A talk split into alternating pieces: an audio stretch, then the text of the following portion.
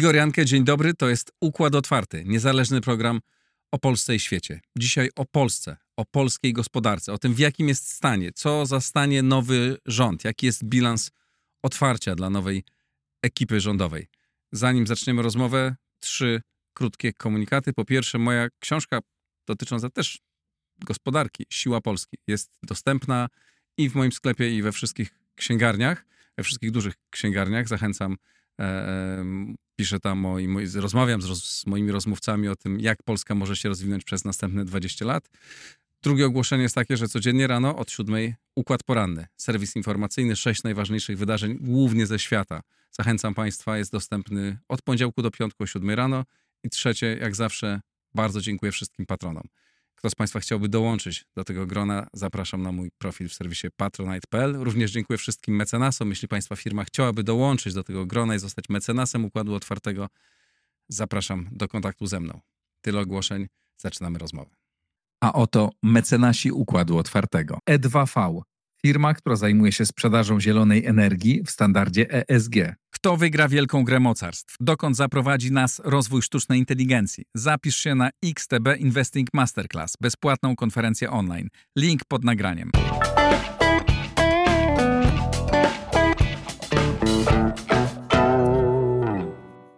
Ignacy Morawski, główny ekonomista Pulsu Biznesu. Dzień dobry. Dzień dobry. Co zostanie, zastanie nowy rząd?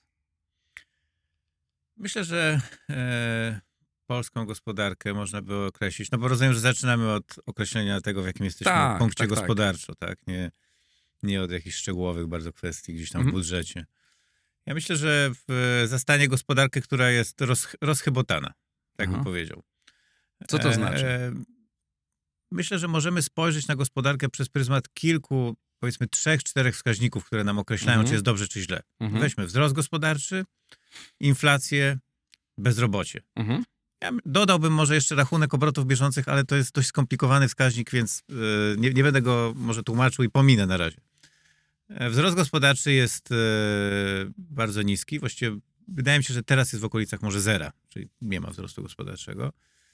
Yy, inflacja jest wciąż dość wysoka. Ona na szczęście już nie jest taka, tak wysoka, jak była, nie jest dwucyfrowa, ale wydaje się, że najbliższy rok to będzie tempo wzrostu cen gdzieś w okolicach 5%, czyli wciąż, wciąż dość dużo jak na historyczny standard. Aczkolwiek mieliśmy niedawno. No mieliśmy prawie 20, tak, tak więc, jest, więc to już widać jakąś poprawę. E, ale dlatego mówię też rozchybotana, bo, bo, bo wahamy się w bardzo szerokim zakresie tak. tych zmian. Wzrost gospodarczy jeszcze na początku zeszłego roku, na początku zeszłego roku, czy na początku 2022 roku wynosił prawie 10%. Teraz jest około zera. Inflacja wynosiła w zeszłym roku prawie 20%, teraz jest 6,5%. E, I jeszcze trzeci wskaźnik, bezrobocie. Tu jest bardzo dobrze, bo stopa bezrobocia mierzona tą metodą badań ankietowych, nie ludzi, liczby ludzi zarejestrowanych w urzędach, ale badaniami ankietowymi to jest jakieś 3%, niecałe 3%. I to jest jeden z najniższych wskaźników w Unii Europejskiej. I mi się wydaje, że to jest e, bardzo, bardzo akurat pozytywne zjawisko. Mhm. Więc roz, gospodarka rozchybotana, czyli taka, która wydaje mi się nie utraciła swojego fundamentalnego dynamizmu, E, ale taka też, która e, przechodziła bardzo duże wahania i teraz jesteśmy w okresie, powiedziałbym, takiego wyraźnego spowolnienia. Więc no to jest ten obraz gospodarczy, na pewno niełatwy dla, tak. dla rządzących. A gdybyś, gdybym tak ocenił całe te 8 lat, jesteśmy po kampanii, więc już nie musimy mm-hmm. się martwić, że kogoś wspieramy albo nie wspieramy. Tak, ale to jest e, straszne, że w Polsce cokolwiek człowiek tak. nie powie, to musi się zastanowić, czy przypadkiem kogoś nie wspiera, to więc tu nikogo... Żeśmy w takim punkcie się znaleźli tak. debaty jak, publicznej. Jak Państwo się w tym programie nikogo nie wspieramy, ani nikogo nie zwalczamy, tylko staram się mm, opisywać, co się dzieje. Tak już powiedział, te 8 lat, bo z punktu widzenia i przeciętnego obywatela, E, polskich, jego ja wartości nabywczej. Tak, tego, powiedziałbym ma. o trzech rzeczach. Przede wszystkim bardzo wysoki wzrost gospodarczy.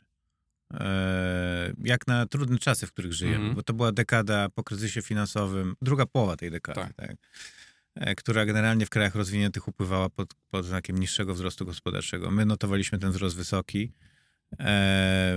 powiem tak, patrząc na, na tle innych krajów, też krajów naszego regionu, po kryzysie finansowym utraciliśmy relatywnie najmniej z tego dynamizmu, a te lata 2015-2023 były na pewno dobre pod względem wzrostu gospodarczego, a więc też wzrostu realnych dochodów ludności. Wydaje mi, się, wydaje mi się, że dziś standard życia jest na pewno wyższy niż był w 2015 roku, a z kolei w 2015 był dużo wyższy niż był w 2005. Jest to pewien tak. stały progres. Druga rzecz, o której bym powiedział, to, jest, y, to są ro, rozbudzone aspiracje społeczne. Wydaje mi się, że ludzie y, poczuli już taki naprawdę awans e, ekonomiczny e, i już nie satysfakcjonuje ich sam fakt, że na przykład jesteśmy krajem niskiego bezrobocia. Tak? To już jest za mało. Mi się wydaje, że gdybyśmy zapytali przeciętnego człowieka w Polsce 20 lat temu, jakby ocenił gospodarkę z 3% bezrobociem, no to byłby przeszczęśliwy, tak, że coś takiego jest w ogóle możliwe. Dziś to już ludzi nie, nie satysfakcjonuje, bo uważają, że to już jest norma. W ogóle nasze e, ambicje, ambicje cały mam wrażenie, że duże, Ambicje mam wrażenie, że rosną, rosną. To e, bardzo dobrze. Co, co, jest dobrze. to wyzwanie dla rządzących, tak. ale to świetnie.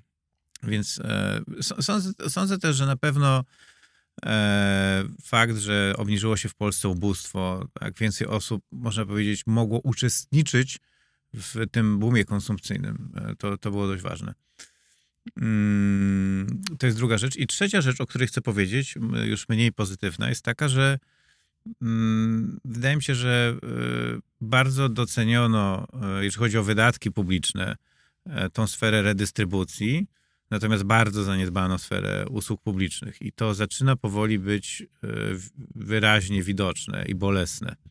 Sądzę, że to Co jest... masz konkretnie no, na myśli, mówiąc, powiem, powiem, powiem o, o, kilku rzeczach. Mhm. Usługi publiczne to są te wszystkie usługi, które państwo kupuje dla obywateli. No bo jak państwo wydaje pieniądze, to zasadniczo może je wydać albo na inwestycje, czyli autostrady, drogi, ale to jest nie, niewielka część wydatków publicznych. Albo może wydać na transfery, czyli daje ludziom pieniądze.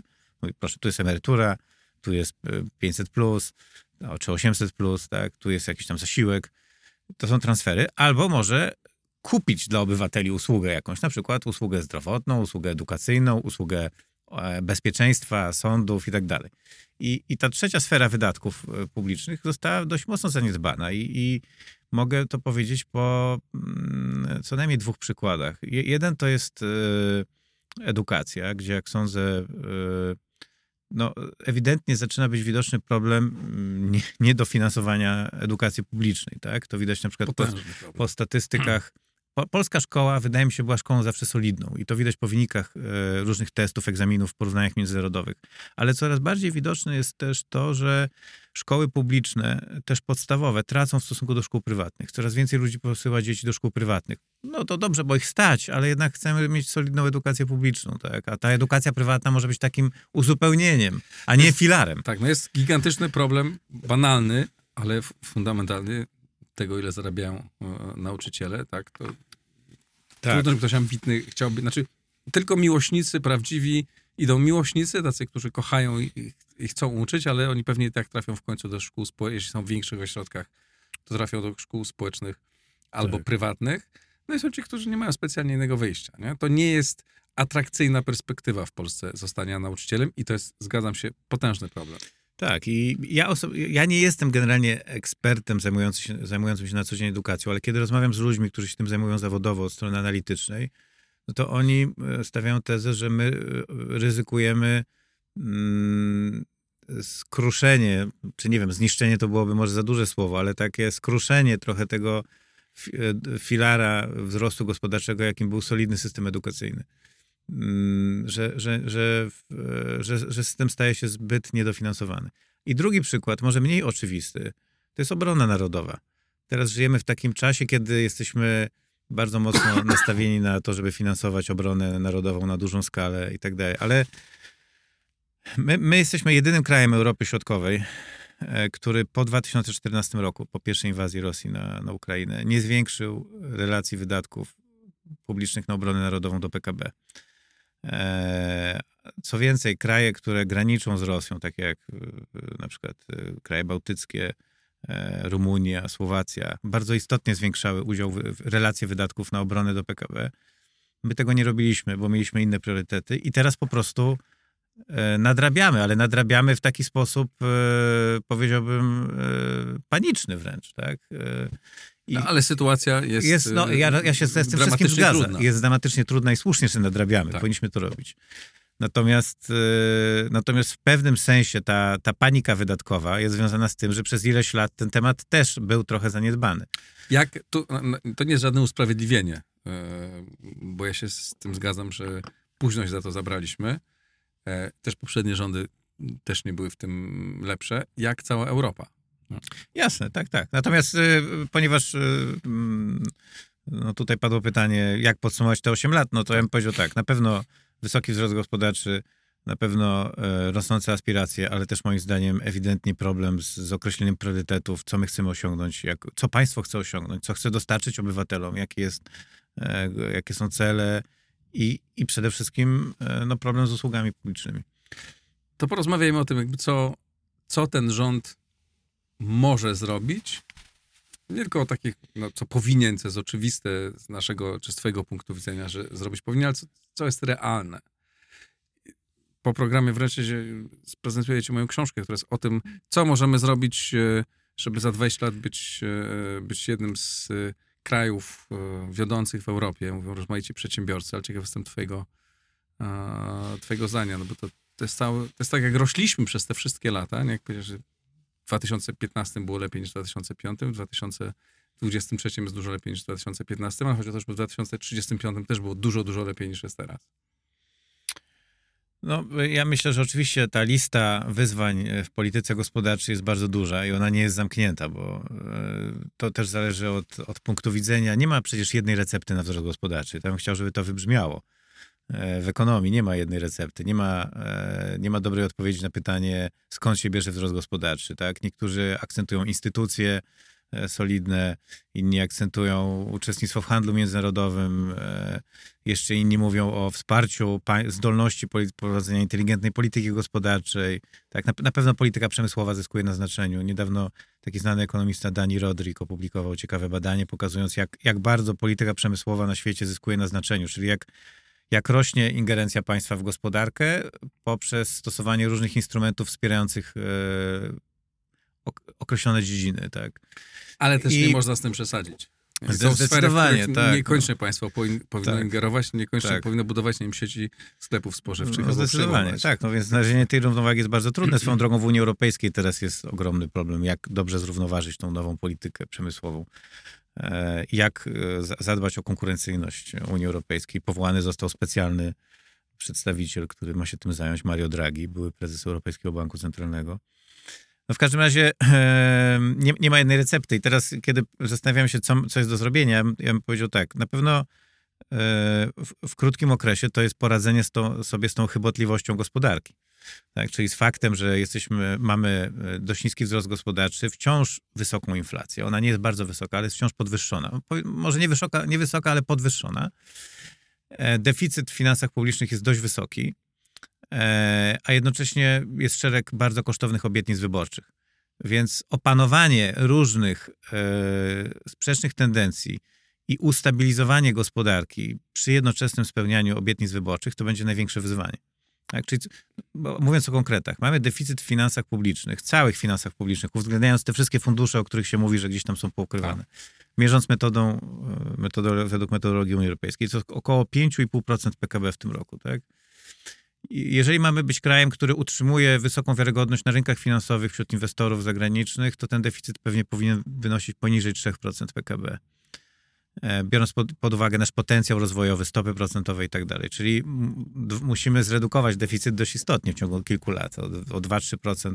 2-3 punkty procentowe PKB. A jak chcemy inwestować, to trzeba pożyczać? A jednocześnie mamy inwestować, mamy obniżać podatki, finansować armię, finansować edukację. Jak to wszystko posklejać? E, to jest moim zdaniem bardzo trudne. Ta układanka jest bardzo, bardzo trudna. E, ja, ja sądzę, że to się musi skończyć jakąś formą pogodzenia wysokiego deficytu w krótkim okresie z, jak, z, jakąś rezygnacją z niektórych wydatków publicznych w długim okresie, między mhm. innymi niektórych transferów, może na przykład dodatkowych emerytur. Ale tu uważasz, że e. jesteś, no bo ekonomiści się dzielą na tych, którzy uważają tak, że zadłużanie się jest bardzo groźnie i dyscyplina przede wszystkim, a są też tacy, którzy mówią, wcale nie jesteśmy tak bardzo zadłużeni, są państwa dużo bardziej zadłużeni. Jak nie zainwestujemy, no to nie będzie lepiej. No, ja już w pewnym sensie, chociaż to może jest nie dla każdego dostrzegalne, ujawniłem przed chwilą, tak. po jakim jestem obozie, bo fakt, jakbym był konserwatystą takim e, e, fiskalnym, czyli, os, czyli osobą, która uważa, że dług jest zły, to bym powiedział, tak. że e, powinniśmy redukować deficyt do zera. I tak. tak ci konserwatyści fiskalnie uważają, że generalnie w dobrych czasach deficyt powinien być zero. Ja powiedziałem, że my, jeżeli utrzymamy wzrost gospodarczy średnio około 3-3,5%, jeżeli stopy procentowe nie, nie utrzymają się na bardzo wysokich poziomach, to my możemy utrzymywać deficyt w finansach publicznych około 3% PKB, może 2,5-3%, mhm. Mm, ponieważ kraj szybko się rozwijający może mieć deficyt i jednocześnie może utrzymywać wskaźniki długu na niezmienionym poziomie, a my tego deficytu trochę potrzebujemy, między innymi, żeby inwestować tak?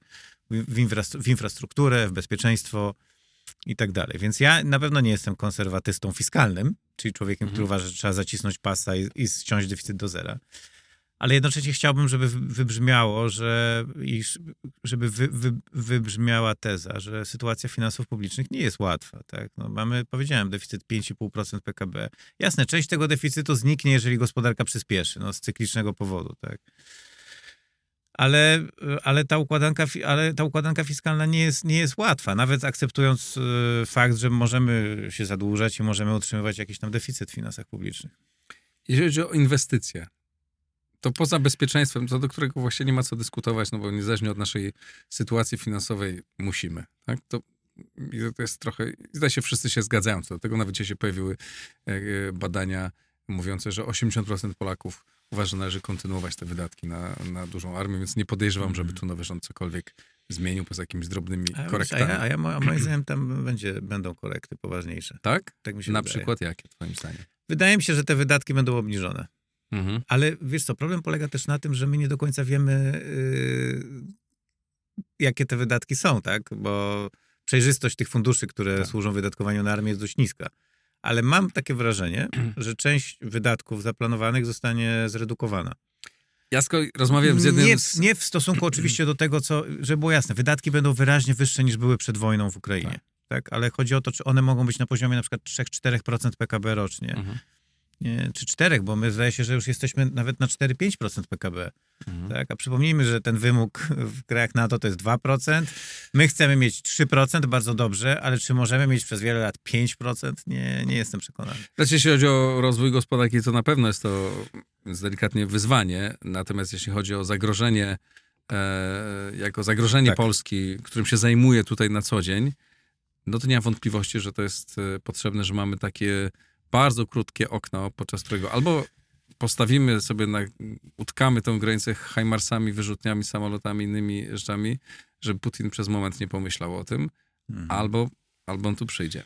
No ale to nie o tym no gadamy. Tak, tak. tak to, ten, poza tym, chciałem zapytać o inwestycje w, tam, gdzie twoim zdaniem one są dzisiaj najbardziej potrzebne i też cały rząd powinien zrobić, żeby zachęcić do inwestowania e, przedsiębiorców i krajowych, i zagranicznych. Tak, no czyli już tu przechodzimy do tego długookresowego tak. E, planowania, tak. tak? Bo tak jak powiedziałem, w krótkim okresie to główne wyzwanie to jest opanowanie chybotliwości gospodarki przy mhm. jednoczesnym realiz realizowaniu obietnic wyborczych, a w długim okresie właśnie inwestycje publiczne na pewno e, jednym z krytycznych wyzwań jest e, energetyka. Tak. My jesteśmy krajem wciąż uzależnionym mocno od paliw kopalnych, bardziej niż inne kraje naszego regionu i to może nam zagrażać zarówno przez ceny energii, jeżeli, e, e, jeżeli paliwa kopalne będą drogie, chociażby z powodów regulacyjnych, tak, ze względu na konieczność wykupywania praw do emisji, już nie tylko przez samą energetykę i przemysł energochłonny, ale przez transport, budownictwo, no generalnie inne branże.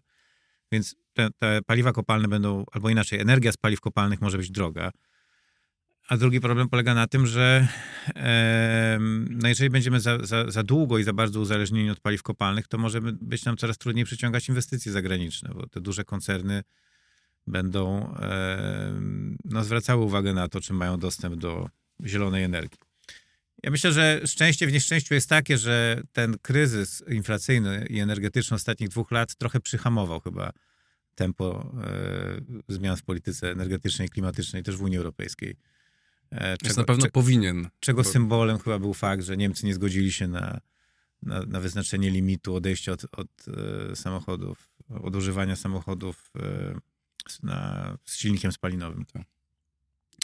Więc, więc energet, energetyka yy, na pewno.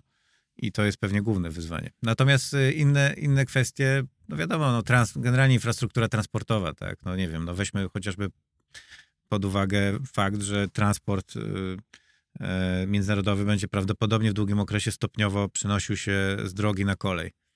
To nie będzie raptowne na pewno. To się nie stanie z roku na rok, czy nawet z pięciolecia na pięciolecie, ale to się stanie, dlatego, bo w ramach elektryfikacji coraz większa będzie rola transportu kolejowego, a my, my, jesteśmy gospodarką o bardzo dużym udziale transportu drogo, drogowego w generowaniu PKB. W ogóle praca przewozowa polskich firm transportu drogowego jest najwyższa w Europie, wyższa niż tak. nie, Niemiec nawet, tak? I, więc jeżeli my chcemy rozwijać transport kolejowy, na pewno musimy dużo inwestować. No, na przykład teraz nie ma możliwości przewożenia na dużą skalę towarów z Polski na zachód Europy kolejami, bo nawet nie ma takiej infrastruktury. Więc to jest wyzwanie. No, y, oczywiście dużo mówi się o, o, o, porcie lotniczym. Ja, szczerze mówiąc, nie, nie, nie czuję się ekspertem i nie będę y, sprzedawał mojej teorii tego, co powinno się wydarzyć, czy nie. Jestem umiarkowanie pozytywnie nastawiony do tego projektu, ale nie, nie chcę mm, pogłębiać tej analizy, bo nie czuję się wystarczająco obeznany. Natomiast... Y, Jak mówię o energetyce, to też na pewno energetyka jądrowa, nie? Tu są ogromne... Tak, no ja to tak, no to mam o, na myśli... O, o, ogromne inwestycje potrzebne. Tak, i teraz pytanie, jak, jak to poukładać w warunkach, w których e, będziemy się zmagali z, wie, z wieloma wyzwaniami fiskalnymi. Sądzę, że na pewno w jakiś większy sposób niż do tej pory trzeba wciągnąć w inwestycje sektor prywatny. Tak, e, poprzez, nie wiem, partnerstwo publiczno-prywatne i inną formę współuczestnictwa inwestorów prywatnych to będzie jakaś forma też odciążenia sektora e, publicznego. Na pewno na większą skalę trzeba zaangażować fundusze europejskie. E, no z tym był problem w ostatnich dwóch latach. Mamy do wykorzystania ten program, e, te finansowanie Krajowego Planu Odbudowy i to oczywiście powinniśmy ruszyć. Ja podejrzewam, że poprzedni rząd też liczył, że to ruszy, tak? Oczywiście, że e, ale, to, to na pewno pozwoli odciążyć w jakiejś, w jakiejś mierze finanse publiczne. Bardzo ale, krótkoterminowo. Ale, tak, ale tu pytanie jest y, główne takie, co zrobić, żeby firmy prywatne inwestowały na większą skalę. No właśnie, bo to jest, to wiesz, o to inwestycje publiczne mamy, no. można powiedzieć, na wysokim poziomie, bo to jest około 4% PKB średnio w ostatnich 10 latach. I to jest dużo więcej niż średnio na zachodzie Europy. Tak? Inwestycji, mamy dużo inwestycji zagranicznych. Napływ inwestycji zagranicznych do Polski jest potężny. Potężny. Eee, natomiast... Chociaż wszyscy mówili, że za tego poprzedniego rządu nie będzie żadnej że nie inwestycji, będzie nic. że wszyscy będą uciekać. Tak, że będą uciekać, to nie uciekli. Natomiast mm, jest problem z inwestycjami średnich przedsiębiorstw. Tak. Małych... Ja Polscy za... przedsiębiorcy strasznie narzekają, tak? Że preferowany, że jak przyjeżdża e, zachodni e, inwestor duży, to dostaje masę ulg, masę e, zachęt, a polscy przedsiębiorcy tego nie dostają. E, Trochę pewnie tak jest, aczkolwiek no, pamiętajmy, że ściągnięcie takiej fabryki, na przykład Intela do Polski, to jest taki transfer technologii i takie efekty tak zwane zewnętrzne, czyli tak. skorzysta na tym, na, na, tym, że Intel inwestuje, skorzysta cała masa też polskich firm, tak. którzy będą poddostawcami. Ja się nie, ja e, tego, ja, nie, ja, ja to rozumiem, ja, tej, też, dylemat taki, jest ogromny. Tak, natomiast e, to jest pytanie, dlaczego e, stopa inwestycji firm w Polsce a szczególnie firm średnich, czyli udział inwestycji do wartości dodanej, jaką one, generują, jaką one generują, jest dość niski. Jest dużo niższy niż średnio w Europie, czy średnio w naszym regionie. I z czego Dlaczego? to wynika? No tutaj jest wiele hipotez. E, jedna jest taka, że my jesteśmy po prostu krajem bardzo małych firm, a małe firmy starają się wszystko wrzucać w koszty, a nie amortyzować jako inwestycje, tak? No, to jest taka księgowa trochę dyskusja, tak. jak księgować inwestycje, że tu teza jest taka, że my mamy tak naprawdę te inwestycje większe niż się wydaje. Aha, no, ale to okay. są ukryte. To tak, to, czyli na przykład firma, która kupuje system informatyczny, e, no nie, nie traktuje tego jako inwestycję, którą się rozkłada kosztowo na 5 lat, powiedzmy. Mhm. Zdaje się 5 lat, nie, nie, pamiętam dokładnie. Tylko stara się to wrzucić jednorazowo w koszty, tak. tak. Natomiast no, i inne, inna teza jest, jest już bardziej związana z polityką gospodarczą. Znaczy, pewność e, środowiska i otoczenia prawnego jest w Polsce bardzo niska. Widziałem niedawno takie dane, które mm, na, na portalu X zamieścił Andrzej Halesiak, e, ekonomista. Mm, nie pamiętam źródła niestety, ale to była ankieta, mm, w której pytano przedsiębiorców, na ile są pewni, że ich własność będzie chroniona przez system prawny danego kraju. Tak? I my tam byliśmy gdzieś w ogonie Unii Europejskiej z bardzo niskim odsetkiem firm, które, czy przedsiębiorców, którzy mają wysokie zaufanie do, do ochrony prawnej ich własności. I to jest to, o czym powiedziałeś na początku. Wspomniałeś takie słowo dla mnie bardzo ważne, czyli instytucje. Znaczy stabilność instytucji. Taka książka o tym, dlaczego narody przegrywają i tam jedna z tak. odpowiedzi jest, przegrywają te, które nie mają stabilnych instytucji. Jak tak. ja patrzę na 30 lat rozwoju Polski, to myślę, że zrobiliśmy bardzo, bardzo dużo, ale tej jednej rzeczy średnio nam się udało. Nie zbudowaliśmy stabilnych instytucji, zaufania e, do państwa. To jest coś fundamentalnie ważnego i tu I ja myślę, myślę, że jest klucz. Że, tu jest, że tu jest duże wyzwanie. Co zrobić, żeby firmy miały zaufanie, że nikt ich nie, nikim nie zabierze ich majątku. Aczkolwiek ja myślę, że ten, ten obraz i, i problem nie jest czarno-biały. Tak? Gdyby problemy były łatwe do rozwiązywania, to by były rozwiązane. Tak. tak. Więc zawsze, jeżeli jest jakiś problem, to znaczy, że gdzieś jest jakiś konflikt interesów. I ja myślę, że my staraliśmy się też zbudować państwo, które będzie efektywne, tak? którego nie będą robić e, w bambola e, e, różne grupy wpływów. I to trochę sprawiło, że dokręcanie śruby jest czasami zbyt mocne. Czyli na przykład, jeżeli chcieliśmy walczyć z oszustwami podatkowymi, no czemu wszyscy żeśmy przyklasnęli, że dobrze, tak. fajnie, tak? Jeżeli chcieliśmy walczyć z szarą strefą, fajnie ale to w pewnym sensie wiąże się też z większą restrykcyjnością aparatu Systemu. państwowego. I teraz znalezienie tej równowagi między budowaniem kraju, który jest, y, który nie ma szarej strefy, gdzie system podatkowy jest szczelny, a jednocześnie budowaniem instytucji, które są przewidywalne, przejrzyste, przyjazne. Znaczy, wydaje mi się, że to po prostu nie jest łatwe. To nie jest tak, że to jest kwestia dwóch decyzji, trzech ustaw. To są lata prób i błędów, więc ja mam nadzieję, że w jakiś sposób ruszymy do, żeśmy ruszyli do przodu tą odnogę E, e, szczelności systemu podatkowego. Mhm.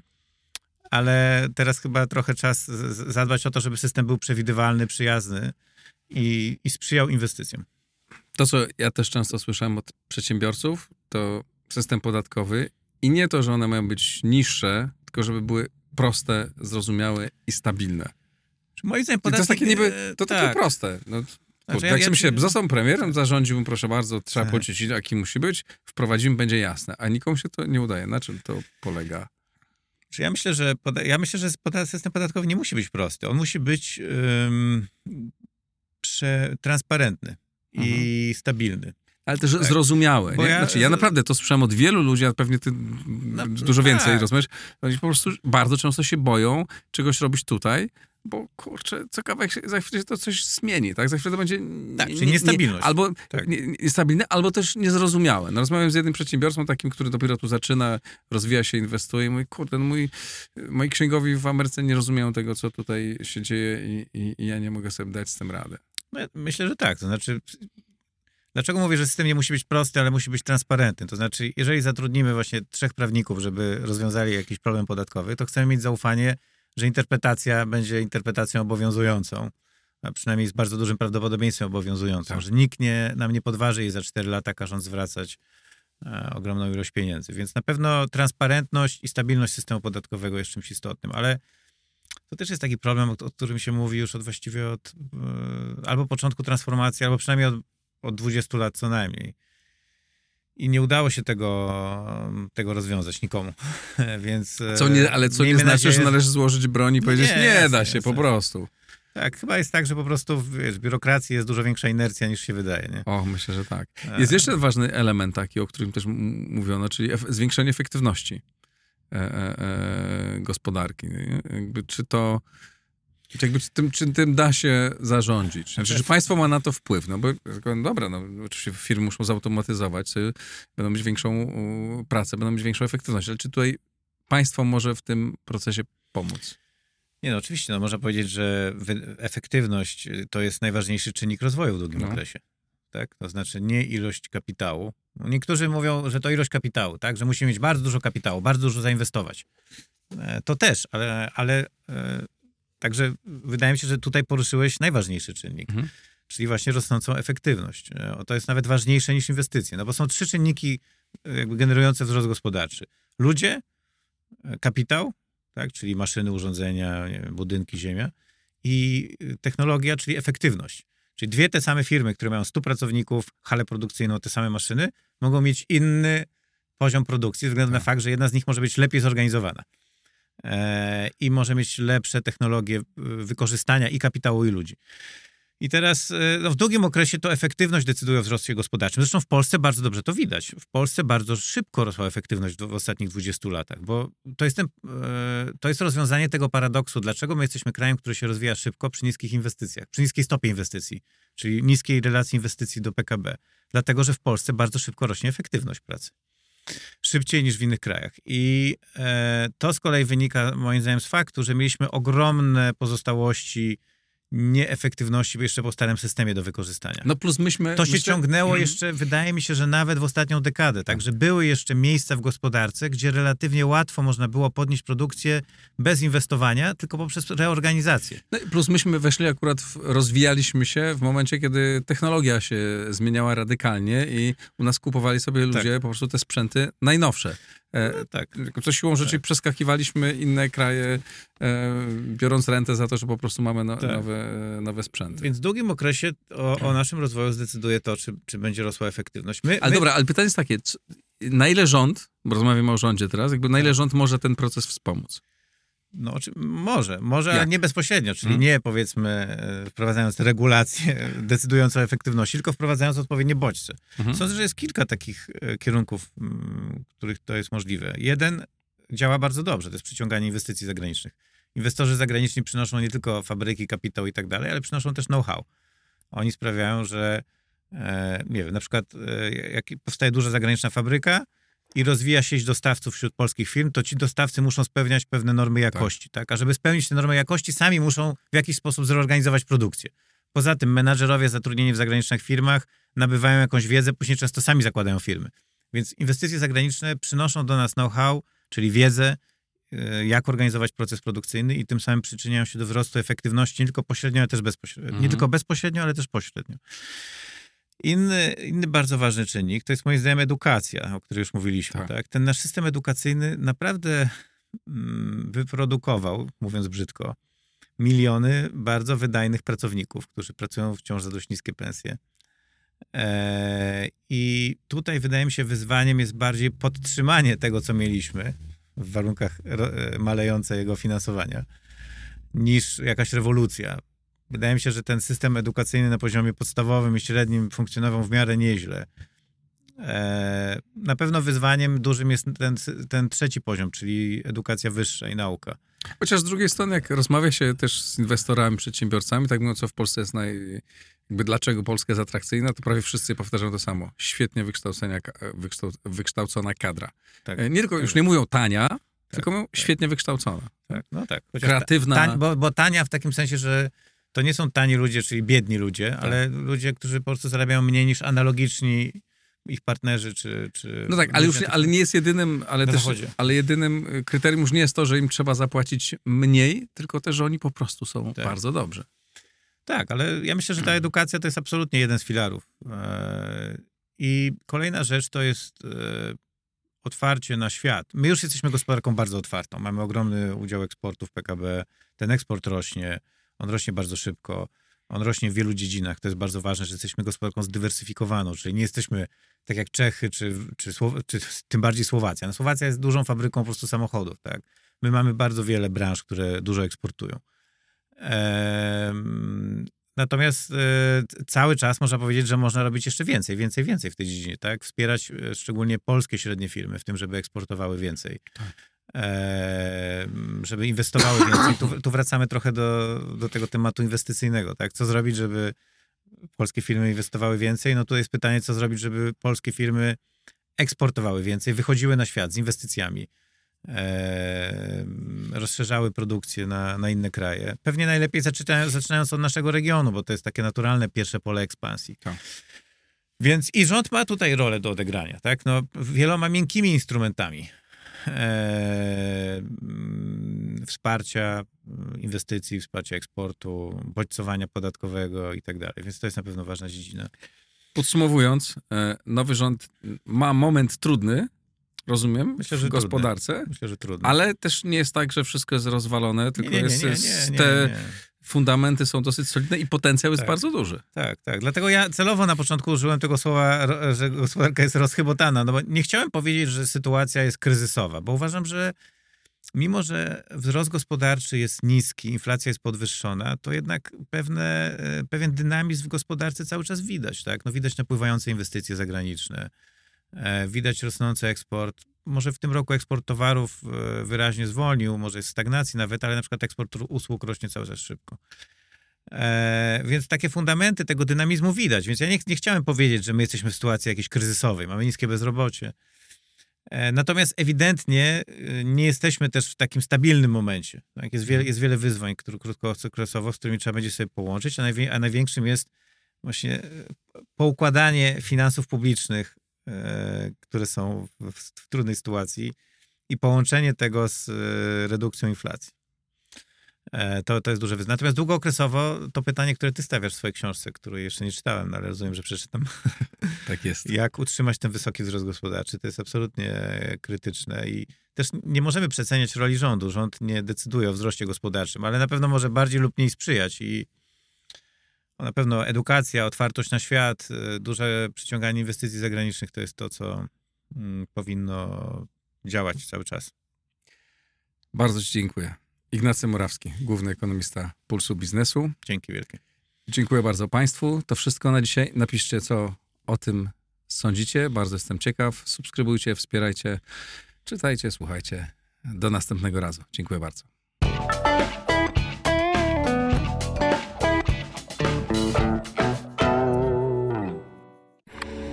Nagraj to w blisko.